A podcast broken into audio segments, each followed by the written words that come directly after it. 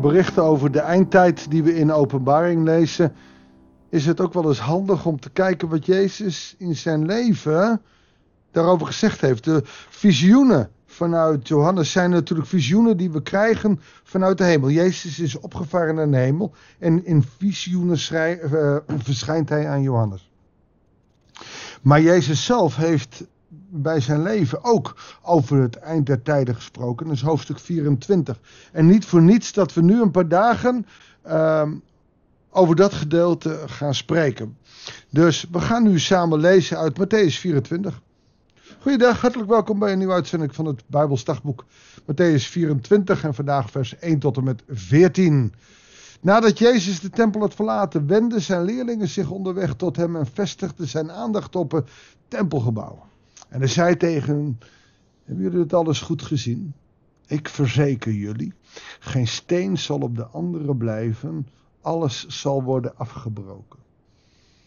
Uh, het is al eens eerder in het evangelie verteld dat Jezus met zijn discipelen langs de tempel loopt. En dat de discipelen onder de indruk zijn van de grote stenen van de tempel zoals die gebouwd is.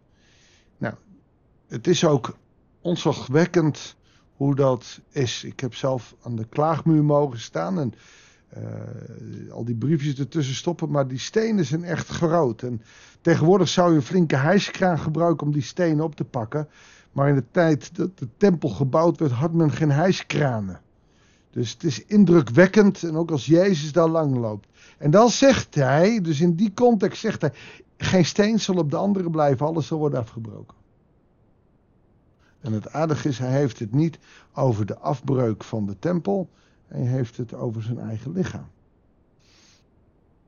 Want hij zegt elders ook, in drie dagen zal het weer opgebouwd worden. Aan de andere kant heeft hij ook zoiets, en dat klopt meer met dit gedeelte, nee, ik ga het wel afbreken, oftewel dit tempel zal worden afgebroken. En dan is het wel weer letterlijk, en, en daar mag je het ook in lezen in deze context, want je gaat nu de eindtijd in. Dit gedeelte zegt hij, nee, het wordt wel afgebroken. Er zal straks geen steen op de andere blijven staan. Waarom niet? Omdat dit mensenwerk is. En we zien in openbaring 24 dat, uh, 21, sorry, openbaring 24 bestaat niet. Openbaring 21. En een nieuwe hemel en een nieuwe aarde. Dus al het oude zal afgebroken worden. Dus wat je hier ziet is niet alleen maar zijn lichaam, dat is een voorafschaduwing voor wat gaat gebeuren, maar alles zal weggaan. Vanuit de tempel gaan ze zo door de poort naar beneden en dan de olijfberg op. Op de olijfberg ging hij zitten met zijn leerlingen om zich heen. En het mooie is als je op de olijfberg gaat zitten, dan heb je een prachtig uitzicht over de tempel en over Jeruzalem.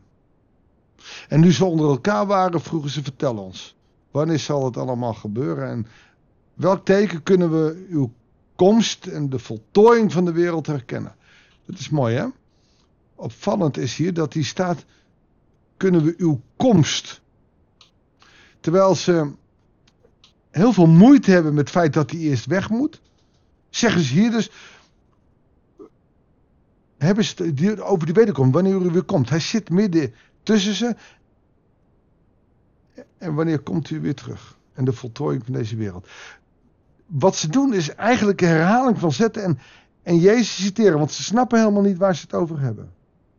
Dus het antwoord wordt voor hun ook heel erg moeilijk. Daarom is Jezus ook niet met een pasklaar antwoord aan het komen. Hij zegt pas op dat niemand jullie misleidt. Oftewel, het wordt ingewikkeld.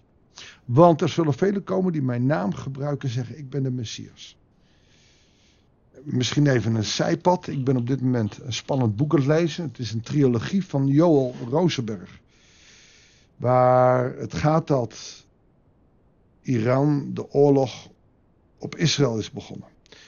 Nou, op dit moment is dat niet zo. Maar de spanningen in het Midden-Oosten zijn enorm.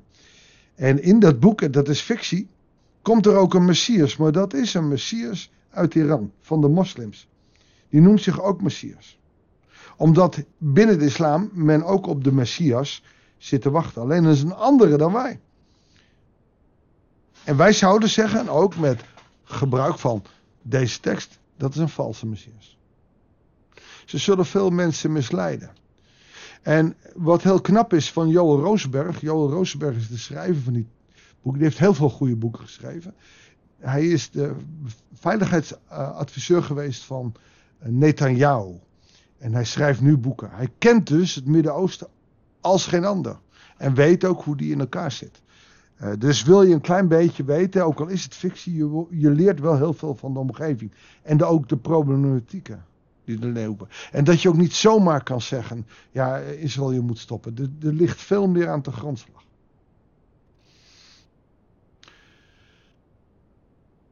Pas op dat niemand jullie misleidt, want er zullen velen komen die mijn naam gebruiken en zeggen ik ben een Messias. En ze zullen veel mensen misleiden. Jullie zullen bericht horen over oorlog en oorlogsdreiging. En, en, en in dit boek van Joel ga ik daar toch maar even op door. Is het de Messias van de islam die dus de, de haat en, de oorlog gebruikt om, om een zogenaamde vrede te laten komen. Uh, en dat geeft enorm veel strijd. Dus het kan best wezen dat je straks hoort: hé, hey, er is een Messias gekomen. Nou, dan moeten we die geloven. Ja, hij is moslim, dus dan moeten we moslim worden. Oh, dat heeft Jezus niet gezegd. Er zullen velen komen die mijn naam gebruiken. En deze Messiassen kunnen ook nog macht gebruiken, want we weten dat Satan ook macht heeft. Zeker hoe meer macht wij hem geven, hoe meer macht hij krijgt.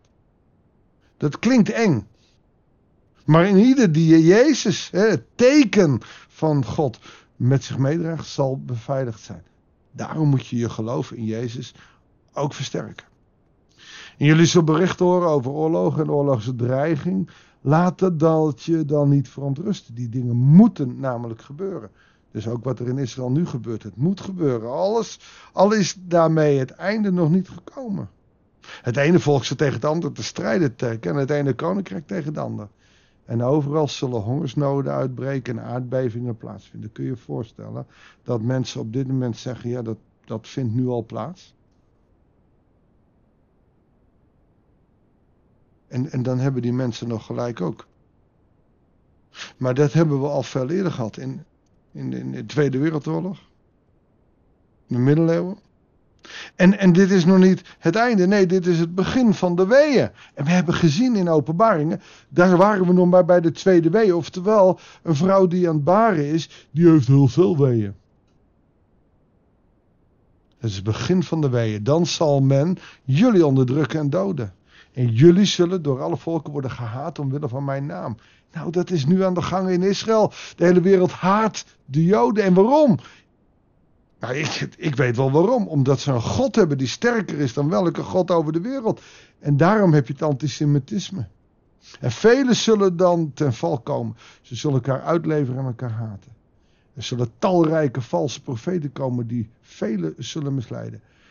En doordat de wetteloosheid toeneemt, zal bij velen de liefde bekoelen. Maar wie standhoudt tot het einde, zal worden gered. Nou, dit is de oproep die Jezus doet.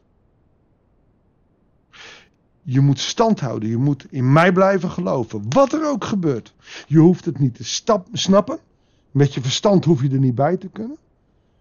Maar met je hart moet je blijven geloven. En dan komt er nog iets belangrijks. Voor al die mensen die willen uitrekenen wanneer Jezus komt. Pas als het goede nieuws van het koninkrijk in de hele wereld wordt verkondigd als getuigenis voor alle volken, zal het einde komen. Nou, dan kan je ook al zeggen, dat schiet al aardig op. Maar weet je, dat ondanks internet nog heel veel volkeren niet bereikt zijn. En daardoor kan je dus ook gewoon heel nuchter kijken. Er moeten oorlogen en ellende gebeuren.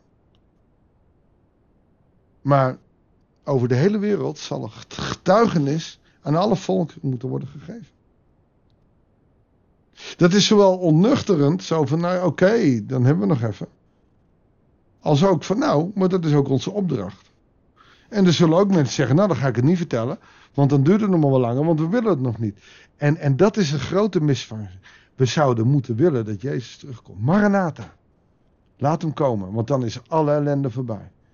Weet je dat de meeste mensen diep van binnen zeggen, ja maar eigenlijk liever niet. En dat betekent dus dat het goede nieuws van het koninkrijk en van het koninkrijk dat komen zal, nog niet eens in harten van heel veel christenen echt geland is. Laten we daarvoor bidden. Heere God, we bidden u. Als u beloofd hebt dat u zal komen. Als u beloofd heeft dat dan alles goed zal zijn en geen verdriet, geen pijn en meer zal zijn. Dan verlangen we daarna. Maranatha, dat Jezus op de wolken verschijnt. Dat u op de wolken terugkomt. En diep van binnen willen we het soms eigenlijk niet.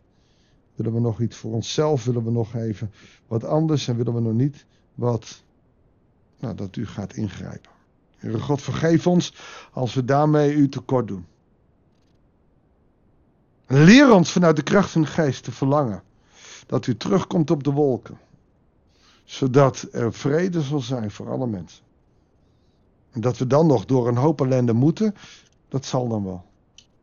Als wij het teken van het lam, oftewel ons geloof in Jezus Christus hebben, zullen we daar doorheen komen.